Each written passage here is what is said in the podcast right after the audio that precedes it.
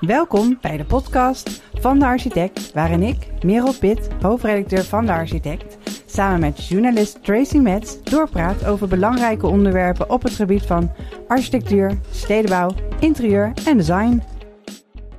Tracy, dit is alweer de derde aflevering over biobased bouwen. Het wordt steeds leuker. We hebben veel geleerd, hè? Oh, ontzettend veel geleerd. En ik ben ook wel uh, een beetje een medegelovige geworden of zo. Het voelt toch wel een beetje als een soort van religie, dat biobased bouwen. dat is wel gevaarlijk voor ons als journalisten hoor. We moeten wel uh, gepaste kritische afstand houden. Gaan we dat vandaag doen? Ik uh, ga mijn best doen. Ik ga mijn best doen om hele vervelende vragen te stellen. We hebben het veel over hout gehad, zeker in de vorige aflevering. Hè, wat dat kan betekenen voor um, de woningbouw, omdat je daarmee ook zo goed kan prefabriceren. Maar vandaag gaan we het ook hebben over andere materialen. Kalkhennep, een hele grote gevel is daarmee gemaakt in een gemeentehuis in Voorst, van Voorst in Twello. Um, maar we gaan het ook hebben over bamboe bijvoorbeeld, wat Ja. daarvan uh, de potentie is. Er is uh, ontzettend veel mogelijk. Dat, wat dat betreft is deze hele reeks voor mij echt een eye-opener. Ja, en, ik- leuk. en wat ik ook wel begrijp is dat uh, vooral in het interieur, dat merk ik zelf ook met het uitzoeken van goede interieurprojecten voor, om te bezoeken en te bekijken, dat dat ja, nog ingewikkelder blijkt. Die certificering hebben we het ook over gehad in de vorige afleveringen. Uh, zeker op het gebied van interieur is nog ingewikkeld. Ben benieuwd wat uh, de sprekers vandaag uh, ons weer kunnen vertellen en leren. Nou, we hebben een paar toppers hoor. Zal ik ze introduceren? Ja, graag. Oké, okay. we hebben bij ons Joost Roefs. Welkom Joost. Dankjewel. Hallo. Je bent architect, je werkt sinds 2017 bij de Twee Snoeken ja, in Den klopt. Bosch. Ja. En je ontwerpt woningbouw en ook utiliteitsbouw. En daarvoor was je negen jaar bij Diedere Dirks. Ja, klopt. Ja. Nou, een van de bekende en uh, geziene bureaus van Nederland. Mooi. We gaan met jou praten over je gemeentehuis bij Voorst, zoals Merel zei. Uh, ook een transformatieproject. En dat bestaat nu deels uit de oudbouw, beton, samen met kalkhennep. En ik ben heel benieuwd hoe die twee samen gaan. We hebben ook bij ons Pablo van de Lucht. Hallo Pablo. Pablo is zo'n beetje goeroe van het uh, biobased bouwen. Hij is verbonden aan de TU Delft en aan AMS. De Applied Metropolitan Solutions uh, academische instelling in Amsterdam van TU Delft, Wageningen en MIT. Een hele hoop. Ja, een hele hoop, ja. ja. Hij, is, uh, hij is een super drukke baas. En je hebt ook je eigen consultancy Green Matters. En je geeft over de hele wereld lezingen. Bijvoorbeeld op uh, drie van de internationale klimaatconferenties. Je hebt ook een aantal boeken geschreven. Eén ligt hier naast je. Tomorrow's Timber. En alles gaat over duurzaamheid en de impact van bouwmaterialen op het milieu. En wat ook leuk om te vermelden is, is dat hij dus veel samenwerkt met onze uh, gast van de vorige aflevering, Viviane Regoe, bij Lister Building. Ja, precies. Ja, dat is super gaaf. Ik ben daar uh, duurzaamheidsambassadeur voor uh, Lister Buildings. Dus heel gaaf om te zien wat in de fabriek echt, waar het echt moet gebeuren. Dat we daar ook veel meer biobased industrieel kunnen gaan bouwen. Dus dat is heel tof. Anders ben ik alleen maar uh, de, de, de, de, de goeroe die uh, vanaf de Ivoren toren of de Houten toren allemaal... Een geloof predikt. Exactly. En dat, uh, het is heel gaaf om ook te zien dat het echt gebeurt. En wat daar ook de uh, strubbels zijn die je tegenkomt. Ja. Je bent echt uh, pionier op dit gebied, Pablo, voor hout, maar ook bamboe bijvoorbeeld. Hoe is dat zo gekomen? Wanneer heb jij het licht gezien, om het zo te zeggen? Uh, ja, twintig jaar geleden was dat uh, op bouwkunde TU Delft. En toen kreeg ik de kans om een sociaal woningbouwproject in Costa Rica een stage te doen. En dat was in een, met een, een, project dat gestoeld was op reuzenbamboe. En nou, dat, ik was daar in, de, in dat bos en een dag later zie je diezelfde scheut, die zijn 50 centimeter gegroeid supersterk bouwmateriaal. Toch wilde niemand in, een, uh, in, in zo'n woning wonen. Terwijl het heel erg goed aardbevingsbestendig was. Nou, Want? dat intrigeerde me. Uh, Wat hadden ze imago, tegen? Imago. Oh, het was arme luizen materiaal. Poor man's timber. Oh. En dat is ook, hout heeft ook een beetje hetzelfde probleem. Veel mensen denken aan een blokhut. Of uh, daarom is bijvoorbeeld het, het item op een vandaag onlangs... Dat laat zien dat je ook heel sexy, gave gebouwen in uh, hout kan gaan maken. En echt mainstream. En dat is heel belangrijk. Maar even heel terug dan nog naar uh, Costa Rica. Dus daar werd ik door geïntegreerd. En uh, toen heb ik mijn afstuderen erop gefocust. En daarna ook mijn promotieonderzoek. Tien jaar geleden, toen merkte ik, dacht van, oh, ik ga de wereld veranderen. Niemand leest een proefschrift. Toen dacht ik van, nee, ik moet ook de koppeling te maken met de industrie. Dus in die zin, uh, ja, heel, die verschillende biobased rollen. Maar ik vind het heel belangrijk om juist wel de koppeling te maken met de wetenschap. Maar veel meer te doen in de industrie zelf, in de praktijk. Want daar is waar je de impact maakt. En ik heb het idee boeken. dat we nu echt een, uh, uh, in een doorbraakmoment zitten. Dat iedereen ziet dat dit echt iets is, dat het serieus genomen wordt, dat het ook wel of niet in beleid landt. Wat denk jij? Ja, we zijn nu aan het begin van die, dat, die tipping point. Dus je ziet nu eigenlijk in om, om de hoek hier Hotel Jakarta, Amsterdam Noord, meerdere houten gebouwen. Uh, hoog, hoogbouw in hout, 10, 12 verdiepingen. Uh, maar het zijn er maar een paar. En uh, die ambitie van de metropoolregio Amsterdam, de MRA, om in 2025 20% in hout te bouwen, dat is super belangrijke aanjager. Van dan weten beleggers en aannemers Hoe, dat gaat procent gebeuren. wanneer moet dat zijn? 20% in 2025. En 50% in 2030.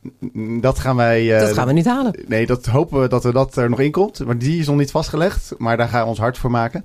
Um, we zitten nu op 2%. Dus 20% is best ambitieus. Maar er wordt echt keihard aan getrokken door uh, ontwikkelaars, uh, bouwers.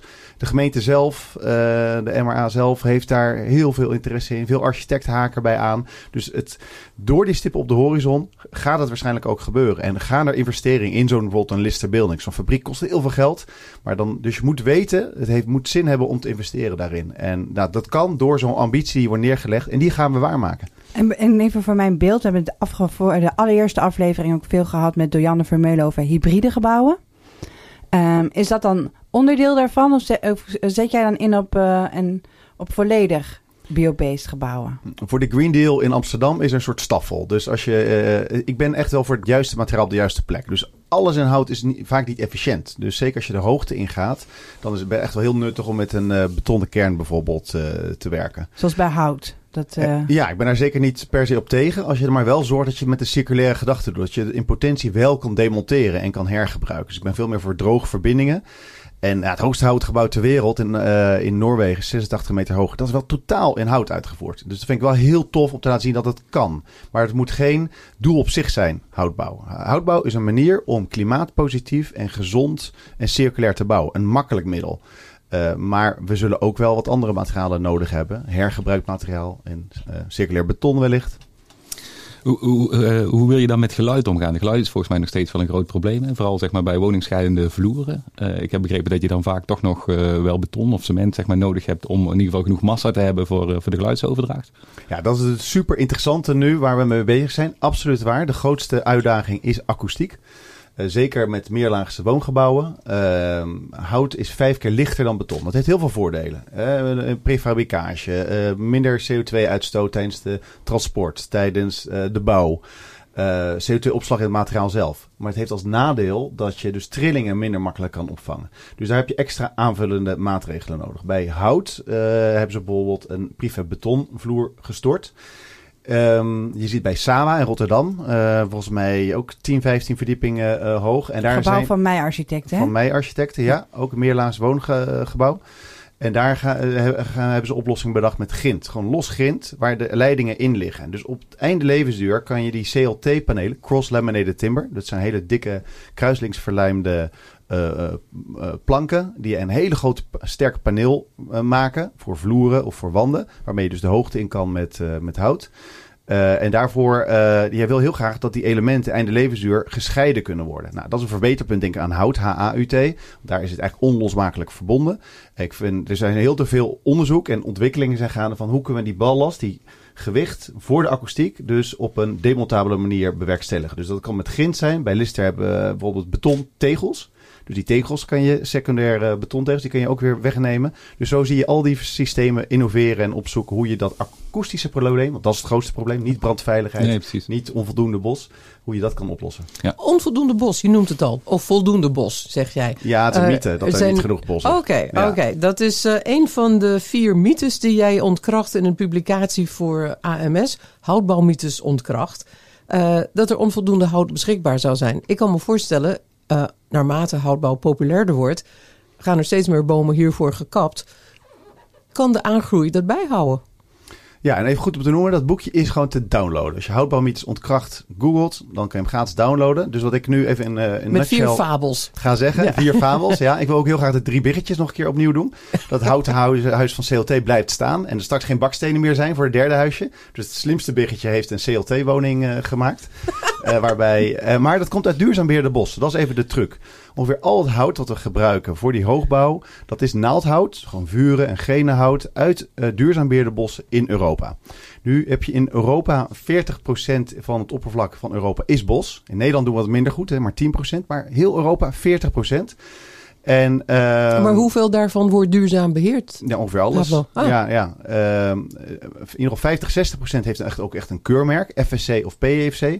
Maar bijna alle eh, bossen zijn ook duurzaam beheerd. Dat moet gewoon voor, volgens Europese boswetgeving. Mhm, mhm. Even die keurmerken nog. FSC, dat is de Forest Stewardship Council. Ja. En, en die andere? PEFC. Dat heeft ook een bepaalde afkorting. Maar dit zijn de twee belangrijke keurmerken die zijn goedgekeurd ook in Nederland. En eigenlijk is PFC qua oppervlak nog groter. En er zit iets meer gericht op het naald, naaldhout. Mhm. dus, uh, maar beide hebben hetzelfde purpose. Dus houden elkaar scherp, is alleen maar prima.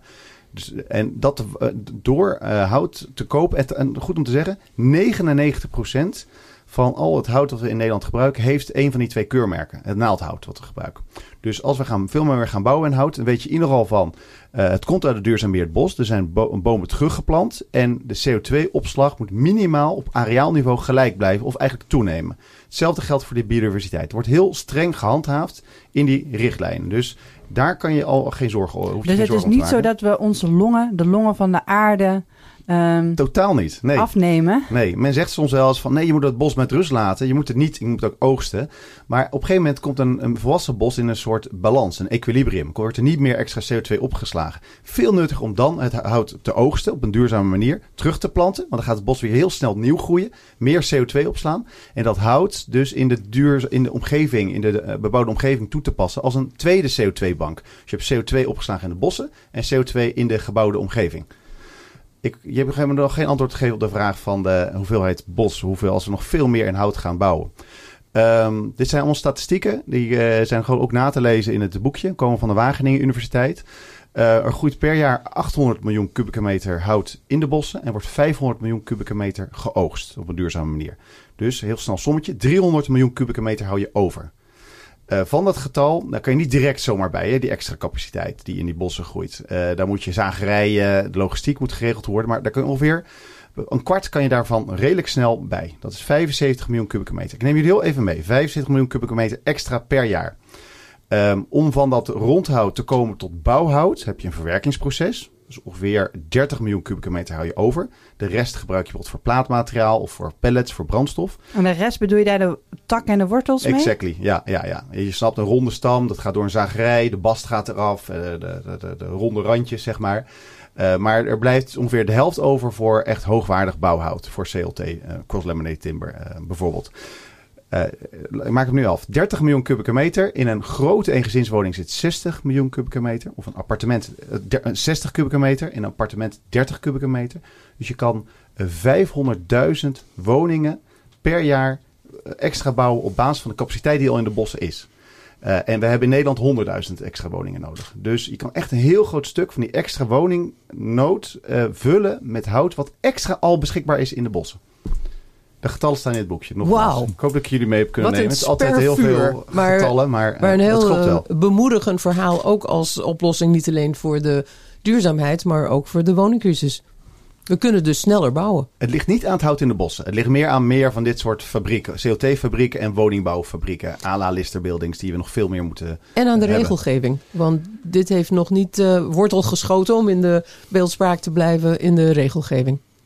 Um, daar, daar, ja, nee, de regelgeving van oudsher zijn wij een mineraal uh, baksteenland. Dus alles op zware materialen geënt. Dus de Beng-norm uh, hè, voor energie. Dat is gericht op zware materialen. De MPG is nog hè, de milieuprestatie gebouw. Daar zit hout nog niet goed in. De CO2 die is opgeslagen in hout. In één kubik hout zit 1 ton CO2 opgeslagen. Wordt gedaan of dat die meetelt. Dat moet ook aangepast worden. Dus hout zit echt op een achterstand. Dus het is heel goed dat nu onder de aandacht komt. En dan zie je soms berekeningen. hey, beton komt even goed uit. Nou, dat komt omdat uh, hout nog wat achterloopt en niet goed in die verschillende databases staat. En de richtlijnen niet zijn ontworpen op, uh, op hout. Jij, herken je dat? Je ja, nee, dat is heel herkenbaar inderdaad. Die MPG die, uh, uh, die klopt gewoon nog niet, zeg maar. Hè? Dus daar loop je wel een beetje tegenaan. Als je toch in hout wil gaan, gaan werken, zeg maar, en het niet goed... sorry. Um, nee, ik, ik had nog één Eh, punt, eh, ik begreep dat er ook nu voor het eerst een CLT-fabriek gaat komen in Nederland. Volgens mij bij ons om de hoek. Weet je dat ook? eh? Ja, die is aangekondigd eh, op basis van Nederlands en Benelux, eh, hout uit de Benelux. Eh, op zich best interessant, vind ik. Het wel leuk, maar als je eigenlijk kijkt in, eh, in, in, in 200 kilometer van waar wij nu zitten, in, in, net over de grens in Duitsland, heb je al twee CLT en glulamp fabrieken.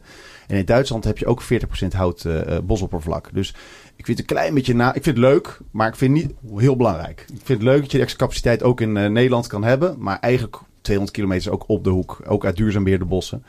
Ja, dus het is niet noodzakelijk wat jou betreft. Maar ik begreep inderdaad, die kwam volgens mij in Hapert. Is echt letterlijk bij mij om de hoek. Dus, eh, Ja, nou, het is wel super lachen. Ja, Ja, Nederlands ja. hout. Het is gewoon heel mooi. Heel veel gaat ook over het verhaal vertellen. Van bouwen met hout. Het is heel dubbel. Ik had eh, eh, onlangs een gesprek met de correspondent. Eh, waar zij ook een hele serie over materialen doen, doe- eh, hebben. En over de mix tussen grondstof en materiaal. Dat een beetje gescheiden is van elkaar. Dat men, maar met hout is het heel anders. Hout is en een grondstof en een materiaal. En we houden ervan. Maar tegelijkertijd denken ook van... Oh nee, maar dit is ooit een boom geweest. Dit is ooit geoogst moeten worden. Dus het doet ook een beetje pijn. En daardoor hebben we een hele bijzondere verhouding eh, met hout. Dus eh, een hele sterke associaties. Dus het is ook heel belangrijk om één te laten zien van dat het echt een goed iets is als je hout uit een duurzaam beheerd bos haalt. Maar ook dat het iets seksies is. Dat het heel mooi is. Dat het gaaf is. Dat het de Tesla is van, eh, van de toekomst. En ook nog eens een keer goed eh, voor het milieu. Dus we moeten het eh geitenwolle sokken imago kwijt. Dat hangt er soms mensen. Als ik eh, op feestje met mensen praat houtbouw. Nou, één is van, oh, dat is niet goed, want je moet een boom kappen. Nou, dan leg je uit, ja, de plant we allemaal terug in productiebossen. En eh, twee is, ja, dan heb je zo'n houten blokhut. Dat is heel, eh, dat wil je toch niet? Maar als je ook in Eiburg heb je nu verschillende projecten die helemaal CLT totaal in zicht. Nou, het CLT heeft hele mooie afwerking. Het geeft zoveel rust, zo'n fijne akoestiek, zo'n fijn binnenklimaat. Ja, je hoort ook allemaal mensen die dan daar langskomen van... ik wil ook zo'n huis. Dus het moet ook veel meer bekend worden nog bij het grote publiek... de voordelen van houtbouw in beleving We ook. doen het met dat hout volgens mij al veel beter dan met de hernieuwbare energie. Want wat dat betreft bungelt Nederland nog steeds onderaan de Europese ranglijsten.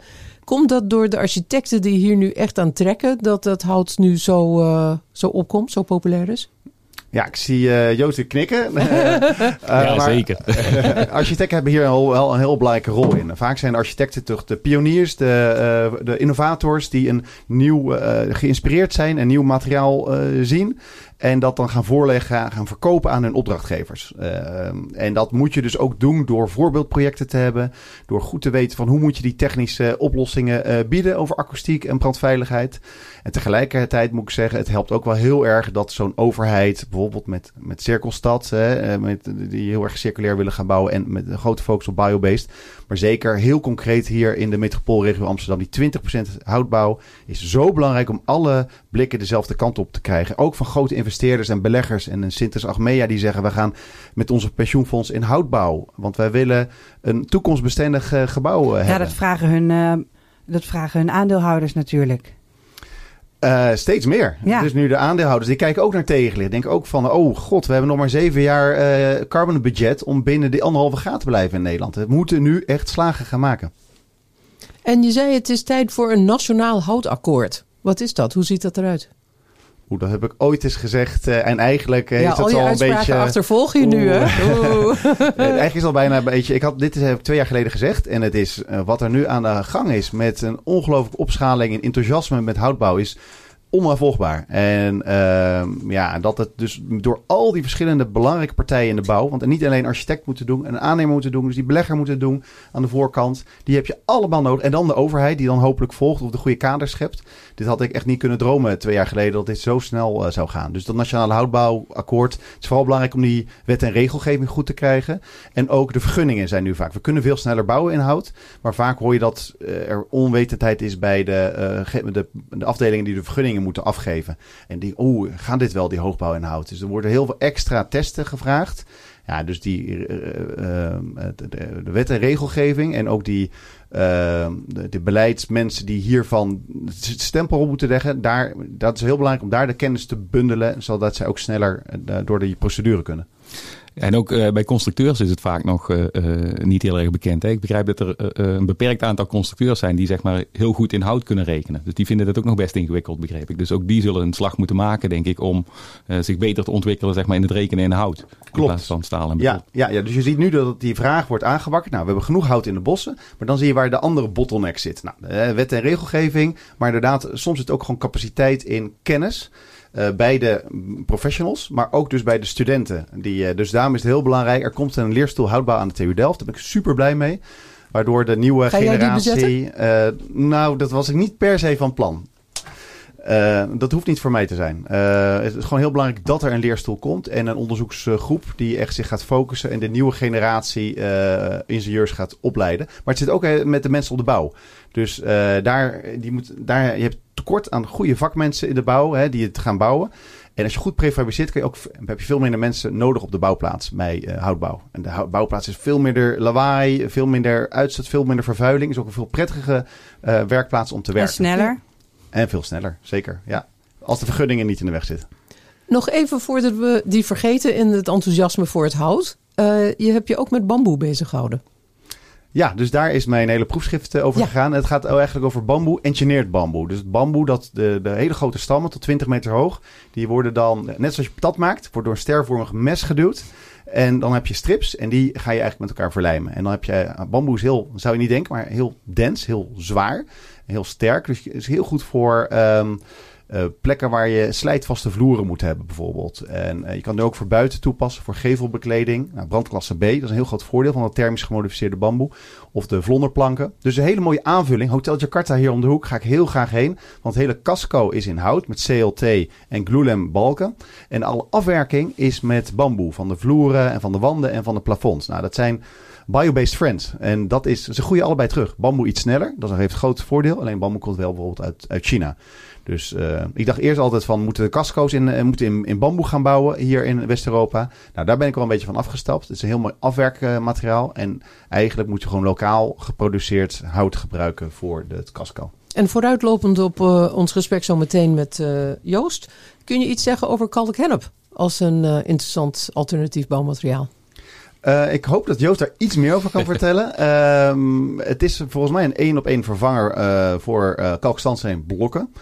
Uh, dat is goed om even nog te noemen. He, je hebt die twee CO2-opslagen in de bossen en in de gebouwde omgeving. Maar op het moment dat je een gebouw zoals Hotel Jakarta in plaats van beton en staal, wat normaal gebruikt zou worden met hoge CO2-uitstoot, in hout gaat bouwen, heb je ook de vermeden CO2-uitstoot. Dus eigenlijk dat is een derde voordeel.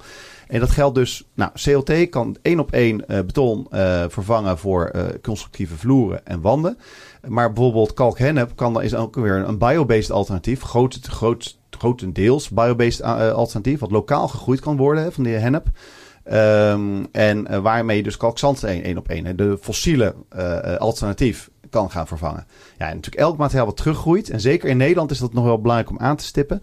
Uh, in Nederland hebben we 10%, dus uh, bos. En we hebben een probleem met de veeteelt, de stikstofuitstoot. Wat een waanzinnig idee is het uh, om de, de, boeren een nieuw verdienmodel aan te bieden. Waarbij je niet meer afstapt van koeienland met alle methaanuitstoot. Maar daar biobased grondstoffen gaat verbouwen. Dus heb je de vermeden stikstof en methaanuitstoot. Je gaat CO2 opslaan in die biobased grondstoffen. Die daarmee ook nog een keer hun fossiele counterpart in de bouw gaan vervangen. Ja, dan heb je een, een drie-trapsraket waarmee ja, je prachtig, allerlei prachtig. Uh, voordelen Moet je alleen de, de melkveehouder ervan overtuigen dat hij akkerbouwer moet worden. Dus dat wordt wel een cultuuromslag in Nederland. maar... Misschien is het nog makkelijker, Tracy, om de akkerbouwer uh, te vragen zeg maar, om hennep uh, te gaan groeien. Want die hennep die is ook nog heel erg goed voor de bodem. Dus als je zeg maar drie of vier jaar achter elkaar mais hebt geteeld, dan is die grond uitgedroogd. En als je vervolgens hennep opzet, dan voedt dat de bodem weer. Dus het is ook echt heel interessant voor die boer. Niet alleen financieel, maar ook gewoon voor de kwaliteit van zijn eigen Hm. Zo werd het vroeger toch ook veel gebruikt? Ja, zeker. Ja. ja. Ja, in Weideland bijvoorbeeld, daar kan je bijvoorbeeld dan weer een natte teelt doen. Bijvoorbeeld uh, lisdodden, uh, met die grote sigarenpluim. Uh, ja. Dat is eigenlijk een heel mooi ja, grondstof. Waterland boven Amsterdam is bezig met een project voor de teelt van lisdodden. Juist ook voor de bouw. Precies, ja. En daarmee, nog een extra pluspunt, is daarmee gaat het water gaat het niet oxideren, de, het, het veen. Wat ook voor zorgt voor heel veel CO2-uitstoot. Dus je houdt de grondwaterstand hoog. Je hebt geen oxidatie. Je hebt een biobased grondstof. Je vermijdt de, de uitstoot van de veeteelt. Nou, en je hebt Plus, een heel plus, mooi biobased grondstof. Alleen is het duurder. Dus er moet een soort CO2-tax op of wat dan ook. Want anders gaan we die grootschalige transitie niet voor elkaar krijgen. Alles is duurder. Houtbouw is ook duurder, 10% duurder. Dus daar, eh, daar is nog wel een slag eh, te maken. Ja, maar het is wel bezig de new normal te worden volgens mij. Zeker als ik jou zo hoor. Absoluut. Ja. Dankjewel Pablo. Dankjewel. Heel inspirerend. Hartstikke leuk. Joost, leuk om je weer te zien.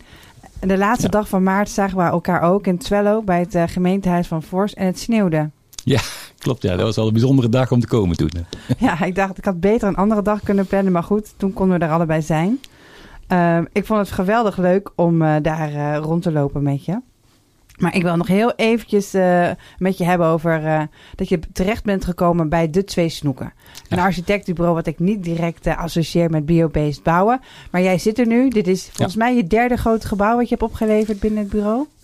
Ja, ik heb eerst het woningbouwprojecten gedaan. En dit is, even denken, ja, zo'n beetje het derde grote utilitaire werk inderdaad. Ja, klopt.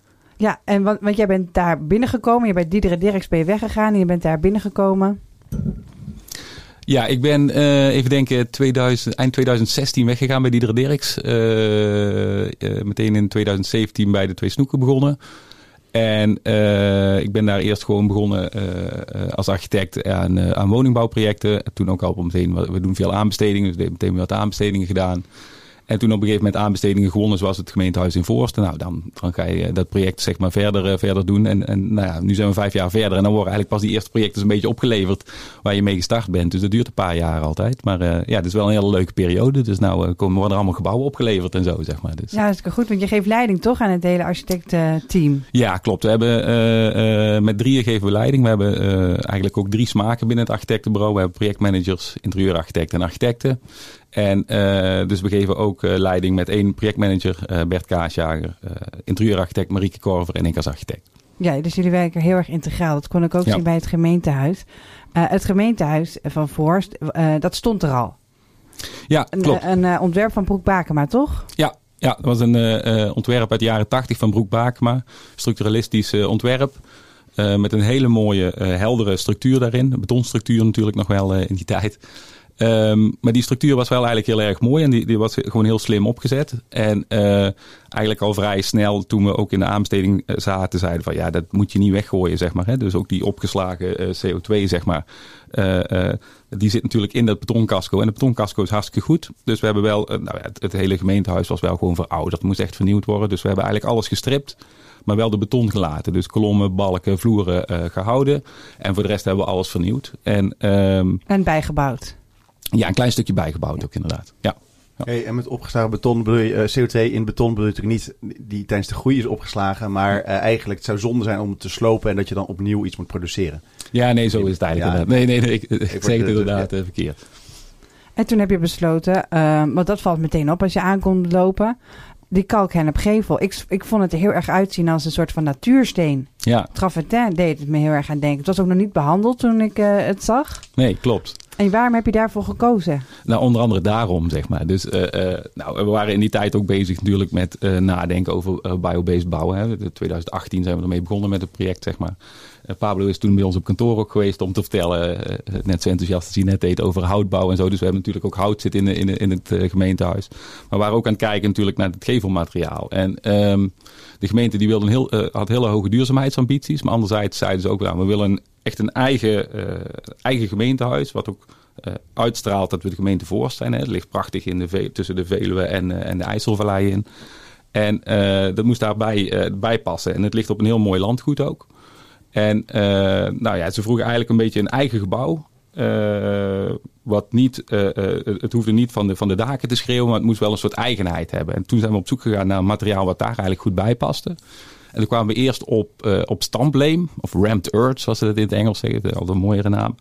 Ehm, dat leek me heel mooi, omdat het inderdaad ook zo die mooie gemarmerde structuur eh, in zich heeft. Dat, dat leek me daar heel mooi, eh, mooi passen op die plek.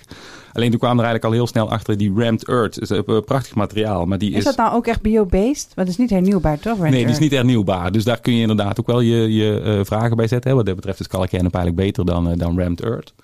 Ehm, Maar uh, uh, die rammed earth, wat een ander nadeel wat daarvan was, is dat het niet isoleert. Dus uh, nou ja, we hadden natuurlijk al een betoncasco, dus ik moest eigenlijk alleen maar gewoon een goede thermische schil hebben.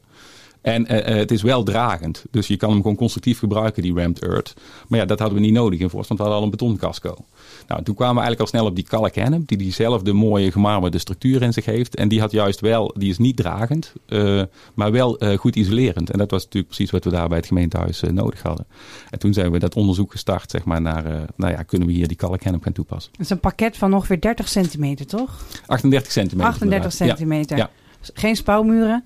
Nee, nee, dus dat is het mooie van het materiaal. En dat, is het leuke voor architecten ook. Je kan er eigenlijk uh, detailloos mee ontwerpen. Dus je kan die hele spouwmuur vervangen door gewoon één pakketje uh, uh, kalkhennep.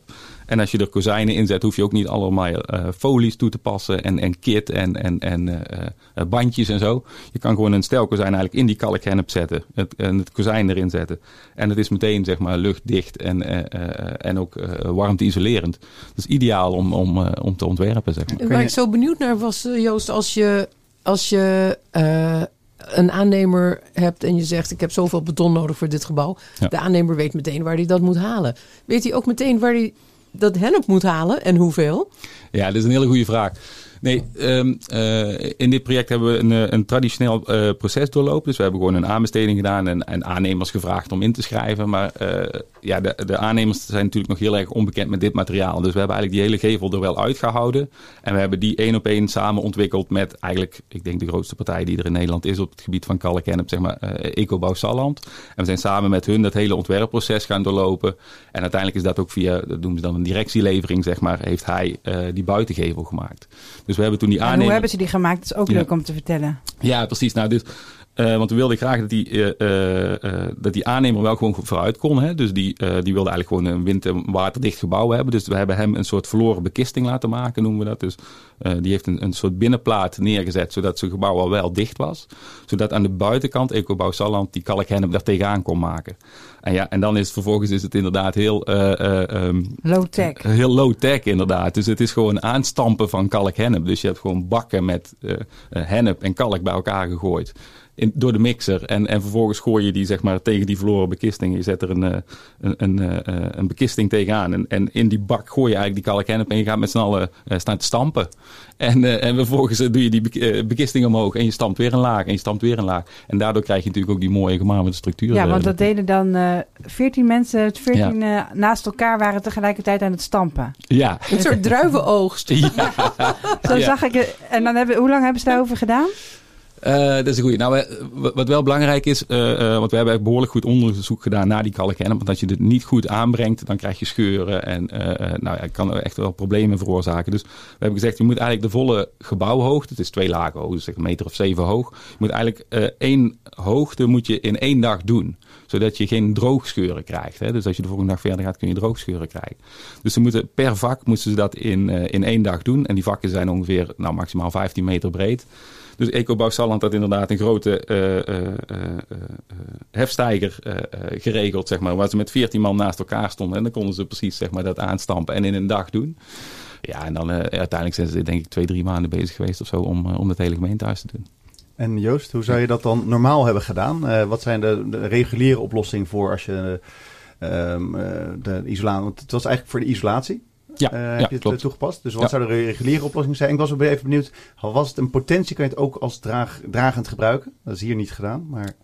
Uh, nee, je moet, uh, als je het dragend wilt uitvoeren, dan moet je dat, uh, de draagstructuur echt wel gewoon in hout maken, zeg maar. Hmm. Dus hier zitten nu alleen wat dunne ripjes hout zitten wel in de kalkhennep om de kalkhennep bij elkaar te houden. Maar als je hem echt constructief wil maken, dan moet je gewoon inderdaad met gelamineerd hout werken of met CLT of zo. Hmm. Um, maar, uh, uh, wat je hebt vervangen als Ja, dus, dus wat, je, wat je eigenlijk vervangt is natuurlijk gewoon een traditionele spouwmuur. Inderdaad, waar je zegt, je hebt normaal gesproken de, de kalkzandsteen aan de binnenkant, de steenwol of de glaswol in de spouw en, en de baksteen ervoor. En daar hebben we hem ook steeds mee vergeleken, zeg maar. Ook als we met de gemeentes gesprekken voeren van, goh, uh, je kan dit doen of je kan dat andere doen. En nou ja, dan zie je natuurlijk wel op, op, op duurzaamheid, zeg maar, de enorme voordelen van die kalkkennen. En die kostaspecten? Heb je, hoe heb je zo, want waarschijnlijk duurder, schat ik in. Dat nou, dat, dat, is, dat is een hele goede vraag. Want die hebben we natuurlijk uh, meegenomen. Hè, want we, hebben natuurlijk gewoon steeds een heel eerlijk verhaal verteld tegen de gemeente. Van nou, dit is, uh, dit is het verhaal. En dan bleek die kosten bleek eigenlijk wel mee te vallen. Dus uiteindelijk was het iets duurder dan die traditionele spouwmuur. Maar nog niet eens zo heel veel.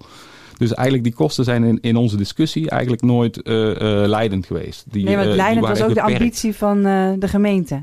Zeker, dus zij wilden ook duurzaam, hè?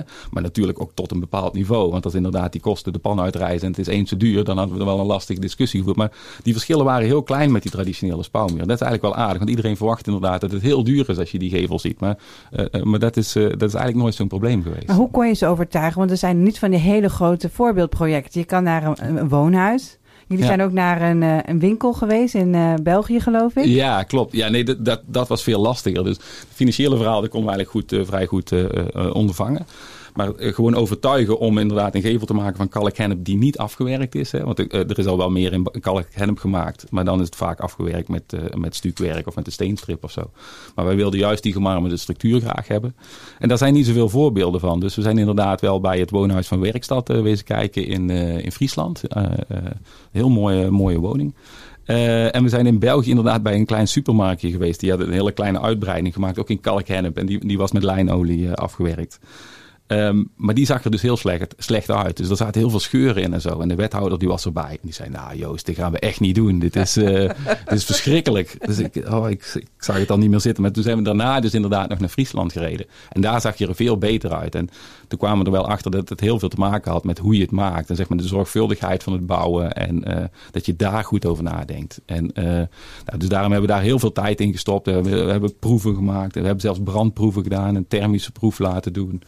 Um, uh, monsters maken, uh, uh, krabben erop, gaat het kapot. En nou ja, ja zo, zo, zo dat soort simpele dingen moet je echt... Als je heel hard gaat krabben, dan gaat het een beetje kapot, hè? Want dat heb ik gevoeld. Oh, oh. nee, maar dat, ik heb het niet gedaan, maar ik voelde wel dat dat mogelijk is. Maar goed, dat is, hopelijk doen ze dat in uh, Twello allemaal niet. Maar je gaat het wel behandelen. Ja, nee, dat klopt. Nee, dus wat ik zei daar in, in België en, en volgens mij ook in het uh, woonhuis in, in Friesland is het afgewerkt met lijnolie. Dus je moet hem echt wel afwerken. Als je hem niet afwerkt, dan uh, gaat hij met name door de zon, zeg maar. op een gegeven moment zou die gewoon af gaan brokkelen, zeg maar.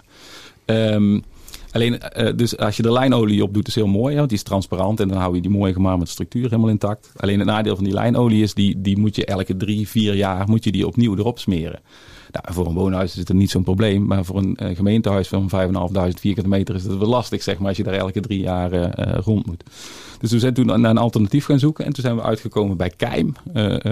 Keim kennen we eigenlijk van het, nou ja, het, het verven van, van gemetselde muren, zeg maar. Maar Keim is ook een heel mooi product. Bestaat volgens mij ook al 125 jaar of zo. Is ook een mineraalproduct. En dat blijkt heel goed samen te gaan met die kalkhennep. Dus daar hebben we proeven op gedaan. En uh, nou ja, ik weet, ik weet er het fijne niet van. Maar als ik het goed, als ik het goed uitleg, uh, dan mineraliseert zeg maar, die keim met die kalkhennep. Waardoor er een soort filmlaag ontstaat op de kalkhennep. En die beschermt hem. Het nadeel is alleen, uh, je zou die keim theoretisch helemaal transparant kunnen maken. Dan, om die structuur zo mooi mogelijk in het zicht te, te houden. Maar dan blokkeert hij de UV niet voldoende. Dus je moet er iets van kleurstof aan toevoegen. Uiteindelijk hebben we gezegd van we nemen een keimlazoer die voor 50% transparant en 50% pigment bevat. En daarmee kunnen we zeg maar voldoende de, de, de zon blokken en toch nog ja, hopelijk zoveel mogelijk die structuur nog zichtbaar houden zeg maar, die, er, die erin zit. Ik wil nog even willen zeggen, dit laat toch precies zien een architect die erin gelooft en dan zijn opdrachtgever meeneemt wat allemaal kan. Door de voorbeeldprojecten, door die testen te doen. En uh, nou ja, dat geeft ook een antwoord van de onwijs belangrijke rol van architecten om biobased innovaties echt naar de markt te brengen. Ja, een pluim voor jou, Joost. Ja, dankjewel. Zeker. En ik dacht ook, hè, je gaat het nog behandelen. En we liepen natuurlijk rondjes rondom het gebouw. En de ene kant van het gebouw uh, zag er eigenlijk mooier uit dan de ander. Doordat je toch te maken hebt gehad met bepaalde weersomstandigheden tijdens het maken ervan. Ja, klopt. Ja. Nee, gelukkig hebben we de, uh, uh, juist de voorzijde, de zichtzijde, zeg maar, die is, die, die is het beste gelukt. Ja, zeg maar. En zeker. de achterzijde zie je wel inderdaad, op sommige plekken zie je, zie je ook, uh, zijn er wat zwarte vlekken ingekomen of zo. Of dat het met vocht te maken heeft. Dat weten we ook niet precies hoor, dus daar zijn we ook nog aan het kijken. Uh, een aantal van die, uh, van, die, van die wat donkere vochtplekken, die zijn er ook wel weer uit aan het gaan. Doordat we zien dat de temperatuur nu weer wat oploopt, zeg maar. Uh, het weer wat beter wordt en dan komt hij er weer wat beter uit te zien. Maar het is wel echt een natuurproduct. En dat zie je. Hè? En dat, dat betekent ook dat hij op de, op de ene plek is hij wat mooier en op de andere plek iets minder mooi. Maar dat is ook een beetje de charme van het materiaal, denk ik. Ja, dat, denk ik mij ook. En ik moet er ook, terwijl ik dit aan het voorbereiden was, denken aan jouw laatste column. daarin eh, vroeg je jezelf af hè, van goh, hoe kunnen we nou als architecten eh, ons nog verantwoorden naar volgende generaties van wat we nou neerzetten? Hoe kan ik op een goede manier ehm, ja, bijdragen? Past dit gebouw daar nou voor jou in? Is dit nou de, de manier waarop je verder wil? Uh, nou, dit is een manier, denk ik. Uh, ik geloof er namelijk niet in dat we zeg maar, heel Nederland vol moeten bouwen met kalkhennepen woningen of zo. Zeg maar. en, en, en, niet overal zeg maar, de kalkhennep in het zicht laten in ieder geval. Kijk, ik denk de kalkhennep uh, is een heel mooi, mooi materiaal. en zeker voor zo'n gemeentehuis, wat mooi in het, land, goed in het landschap staat, zeg maar, dan werkt het heel mooi. Maar hier midden in Amsterdam zou ik niet zo snel zeg maar, een, een kalkhennep woning maken met kalkhennep in het kwetsbaar. zicht. Ja, het is kwetsbaar. En, en, en ik vraag me ook af of dat het passend is. Zeg maar. maar ik denk wel dat, dat we met voorst hebben laten zien wat er allemaal kan, zeg maar. Hè? Dus uh, uh, het is inderdaad en het in kalkkennen bouwen en in hout bouwen. En we hebben heel veel hergebruikte materialen, behoud van het betoncasco en zo. Nou, dat zijn wel allemaal ik denk dat het wel allemaal dingen zijn die, waar we goed naar moeten gaan kijken zeg maar, in de toekomst. En zoveel mogelijk toepassen als het kan. Want we zien ook nog steeds dat er, ook bij gemeentehuizen, we doen heel veel gemeentehuizen, dat er nog steeds voor gekozen wordt om bestaande gemeentehuizen gewoon volledig te slopen ook een betoncasco en vervolgens een nieuw betoncasco daar weer neer te gaan zetten. Ja, dat, dat vind ik onbegrijpelijk. dat is dubbel, maar. eigenlijk dubbel dom. Dat is dubbel dom, ja, ja precies. En, maar wat jij eh, zegt is wel heel belangrijk. Zeg even als vierde punt van we laten het casco staan. Maar zeker ook binnenstedelijk is dat de, niet bouwen is eigenlijk het best. Dus precies. De, dus dan, wat dan niet goed is, hè, we hebben natuurlijk een enorm erfgoed, wat we meenemen uit de vorige jaren. Nou, dat, dat is nou eenmaal zo. Als daar dan bijvoorbeeld, uh, zeker binnenstedelijk, kun je heel goed optoppen met uh, hout en biobased, want het uh, dus meerdere malen lichter is. Dus daar, daar zie ik ook heel veel kansie, kansen. Dus het optoppen en het inbreiden ook in bijvoorbeeld concept Respace, waarbij je in vrijstaande 40.000 miljoen vierkante meter vastgoed staat leeg. Om dan daar binnen je nieuwe woningen en kantoren te gaan produceren. En soms hele gave inschelen warehouses. Ja, ja dus dat... de drager en de inbouw krijg je dan. Dus dan uh, ja, zeker. haal je de inbouw eruit en uh, ga je door met de drager. Ik heb nog eventjes een vraag. Je hebt wel wat aluminium hier en daar toegepast. Om... Uh, voor, de, voor het shiny effect, voor het strakke look? Of, um... Ja, nee, dus de, de, uh, de bio-based hardliners die, uh, die pakken me keihard aan nou. Maar we hebben inderdaad nog best wel wat, wat aluminium erin zitten. Nee, maar ik geloof wel dat je echt moet kijken. Volgens mij, wat voorop staat is dat je gebouwen moet maken die bestendig zijn. Ik denk dat dat het belangrijkste is. Dus je moet gebouwen maken die, waar mensen gewoon van gaan houden. En, en daardoor ook lang blijven staan. Maar Pablo ook zegt, het beste wat je kan doen is, is niet bouwen. Hè? Dus, en ook niet slopen. Dus moet je ook, wij als architecten nog steeds gebouwen maken die we gewoon, die mensen mooi vinden en waar ze van houden. En nou ja, soms pas je dan op sommige plekken toch materialen toe die misschien net iets minder uh, uh, goed zijn qua duurzaamheid. Maar die je op sommige plekken denk ik wel nodig blijft houden, zeg maar, om dat gebouw die, die echte bestendigheid te geven, zeg. Dus wat jou betreft uh, zijn hybride gebouwen uh, een hele goede manier om uh, te werken met biobased materialen. Nou, het is wel mooi dat je dat zegt, want dat is wat Pablo ook zei, daar ben ik het helemaal mee eens. En dat is ook bij die, bij die torens. Hè. Dus je moet materialen gebruiken daar waar ze goed voor zijn. Hè. Dus ik geloof helemaal niet dat we naar een wereld gaan waar we helemaal geen beton en staal en aluminium meer gaan toepassen. Alleen je moet het veel minder gaan toepassen en alleen toepassen daar waar het echt nodig is, zeg maar. En, en heel veel kun je inderdaad door hout vervangen, door kalkennep, door bamboe, noem maar op. En de duurzame alternatieven dan van het beton. Hè? Bijvoorbeeld ja, het Freement, uh, wat er wordt ontwikkeld, echt circulair beton. Uh, want nu is het bijna allemaal downcyclen wat, uh, wat wordt gedaan. En staal dan echt productie. Ik hoop dat het komt hoor. Waterstof produceert staal in, in IJmuiden. Uh, alleen dan kan je, is ook staal en beton toekomstbestendig. En dan kan het samenwerken met biobased. Dus uh, ja, ja, schreef ook nog van: Ik hoor mijn toekomstige kleinkinderen al vragen. Wat deed uh, jij, opa, vroeger als architect om ons probleem op te lossen? nou, dus dit is wat je doet. dit, dit, dit, zijn wij nu aan het proberen. en uh, ik, ik, hoop dat ze daar tevreden mee zijn als ze straks vragen. En nog één laatste vraag stellen: dat je iets toch, want je bent aan het pionieren geweest met dit project. En nu terugkijkend, ja, iets anders kunnen doen. Wat had je anders in dit proces gedaan? Andere keuze gemaakt? Of? Uh, dat is een goede vraag. Nee, ik, ik, ik, ik denk op dit moment uh, zouden we niet zo heel veel anders doen. We merken wel dat die uh, kalkhennep dat dat best wel ingewikkeld is, zeg maar. Dus ook tijdens de bouw zijn we wel tegen dingen aangelopen die we ook niet voorzien hadden. Zeg maar. Hoe goed hebben we ook alles onderzocht en voorbereid hadden. En dan zie je op een gegeven moment toch dat, uh, uh, dat een bekisting net niet sterk genoeg is, waardoor die, waardoor die kalkhennep zeg maar, iets, iets te ver uit gaat zetten. Waardoor we op een gegeven moment bang waren dat er misschien toch een soort luchtlekken door de kalkhennep uh, zouden gaan. Nou, dat bleek niet zo te zijn. Sommige stukken begonnen los te laten, dus daar waren we op een gegeven moment angstig voor. Dat hebben we gelukkig allemaal, allemaal kunnen herstellen. En waar we nu ook nog steeds een beetje mee zitten, is dat die minder goed droogt dan we gehoopt hadden. Dus daarom zit die keimer nog niet op. Die hadden we eigenlijk al veel eerder erop willen hebben. En zo merk je wel dat je gewoon niet alles kan voorzien. En dat je toch inderdaad in een soort pilot situatie zit.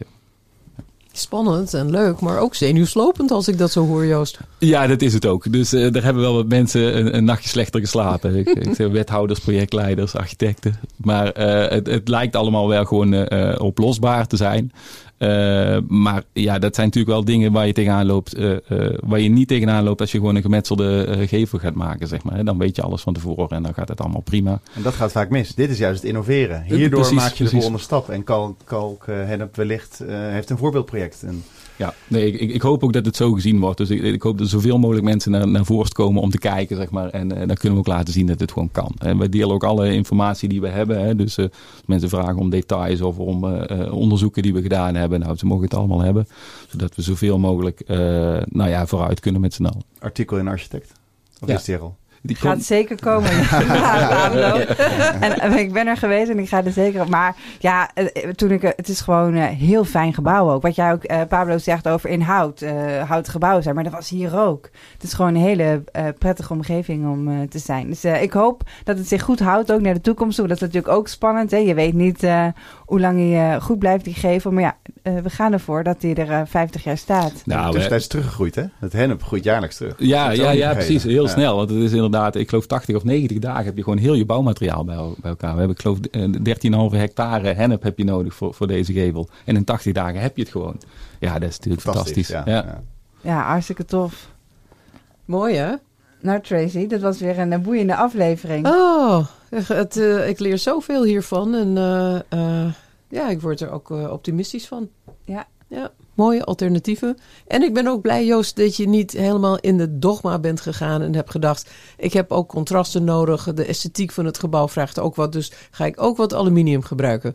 Want ja. ik denk dat we met een uh, ontzettend spannend proces van vernieuwing en innovatie nodig zijn. Maar zodra dat een uh, uh, dogma wordt waar architecten op afgerekend worden, nou, dan gaat dan ook een deel van de lol eraf. Dan gaat het mis. Ja, dat denk ik ook. En ik denk dat we daar juist een beetje voor moeten waken. Zeg maar. dat die, die dogma die moet er inderdaad niet opkomen. Want uh, uh, het risico is dat we dan allemaal super biobased gebouwen gaan maken. Maar waar, waar we over twintig jaar van zeggen van ja, maar dat is allemaal niet uh, zoals we het eigenlijk willen. We gaan weer tra- terug naar die baksteenhuizen. Dus we moeten wel we moeten, voorzichtig die stappen nemen. En nog steeds gewoon goede bestendige gebouwen blijven maken. Ja, en architectonische kwaliteit hoeft niet minder te worden als we biobased bouwen. Zeker niet. nee. nee. Je hoeft soms ook niet eens. Uh, je ziet ook veel gebouwen waarbij het casco in hout is. Maar de afwerking soms met baksteenstrips is. Niet dat ik er fan van ben, maar ik bedoel. Daarmee uh, bied je wel toch een, een oplossing voor iemand die wel klimaatpositief wil wonen. Maar wel de oude traditionele uitstraling wil. Dus echt om het echt helemaal mainstream te maken voor het grote publiek. Het is niet echt heel sexy voor architecten wat ik nu noem, maar... Uh, oh, maar ik heb niks tegen een steenstrip hoor. Volgens mij, uh, steenstrips zijn ook uh, hartstikke goed. Sowieso een beter alternatief natuurlijk dan volle bakstenen. Weten, Tenminste, ja. in ieder geval als, als strips gebakken worden. Want soms worden ze nog gezaagd, dan heb je er niks aan. Maar ik vind, wij hebben ook gebouwen in steenstrips gemaakt. Ik weet zeker dat je het verschil niet ziet, zeg maar, tussen een, een steenstrip en een, en, en een gewoon volle baksteen, zeg maar. Dus daar kun je hartstikke goede gebouwen van maken. Ja, dus biobased hoeft niet per se zichtbaar te zijn. Soms nee, helpt het, maar doseren is daarin heel belangrijk. Ik moet wel zeggen van, qua binnenklimaat biedt het wel voordelen. Als je hout echt zonder afwerklaag toepast, en dat geldt ook voor leem en andere biobased materialen, dan heeft het een vochtregulerende kwaliteit. Dus als het heel vochtig is, neemt het op. Is het droog, geeft het weer af. Dus daardoor worden uh, biobased gebouwen vaak geroemd voor een hele fijne billen, binnenklimaat. Ja, veel gezonder hè? Ja, ja. hebben we ook uh, over gehad. Nou, dank jullie wel. Um, we kijken alvast maar weer even vooruit naar de allerlaatste aflevering van deze reeks, Tracy. Daar hebben we twee hele leuke pioniers uh, als het gaat om, om interieurproducten, maar ook om, uh, ja, om, om architectonische producten. Volgens mij hebben we in deze reeks alleen maar pioniers, joh. Ja. Ja, het is echt de innovatie ten top wat we in deze reeks laten zien. We krijgen straks, uh, in de, voor de laatste aflevering, hebben we Hester van Dijk. Zij is van, samen met Reinder Bakker oprichter van Overtraders W. Uh, we kennen ze van de People's Paviljoen op de Dutch Design Week samen met het bureau Sla met die uh, plastic dakpannen. Waarvoor ze een eigen fabriek hadden gebouwd. Ja, ja, ja, daar ga ik haar naar vragen. Niemand kon ze leveren, dus maken we ze zelf maar. Ja, nou, that's the spirit zou ik zeggen. Vind ik ook. Uh, en zij hebben het paviljoen Voices of Urban Nature ontworpen voor de Floriade. Die kunnen we allemaal gaan zien. En we hebben ook Hedwig Heinsman te gast. Zij is bekend als medeoprichter van Dus. Die, dat begon met uh, de eerste 3D-geprinte grachtpand. En zij zijn nu om, omgegaan naar, uh, in 2017 naar Actual, een digitaal bouwbedrijf. Uh, en zij kunnen bijvoorbeeld jouw interieur printen. En als je het zat bent, dan laat je het vermalen en laat je een andere interieur printen. Ja, en ze gebruiken daarvoor bio-based plastics, maar ook afvalplastics. Ja. Dus materialen zijn hoe dan ook um, ja, milieuvriendelijk. Ja, ik ben heel benieuwd naar dat verhaal. Ja, gaan we horen. Nou, 30 mei staat hij online. Dus hou onze website en nieuwsbrief en socials goed in de gaten voor de laatste updates. Dank jullie wel. Graag gedaan. Ja, graag gedaan.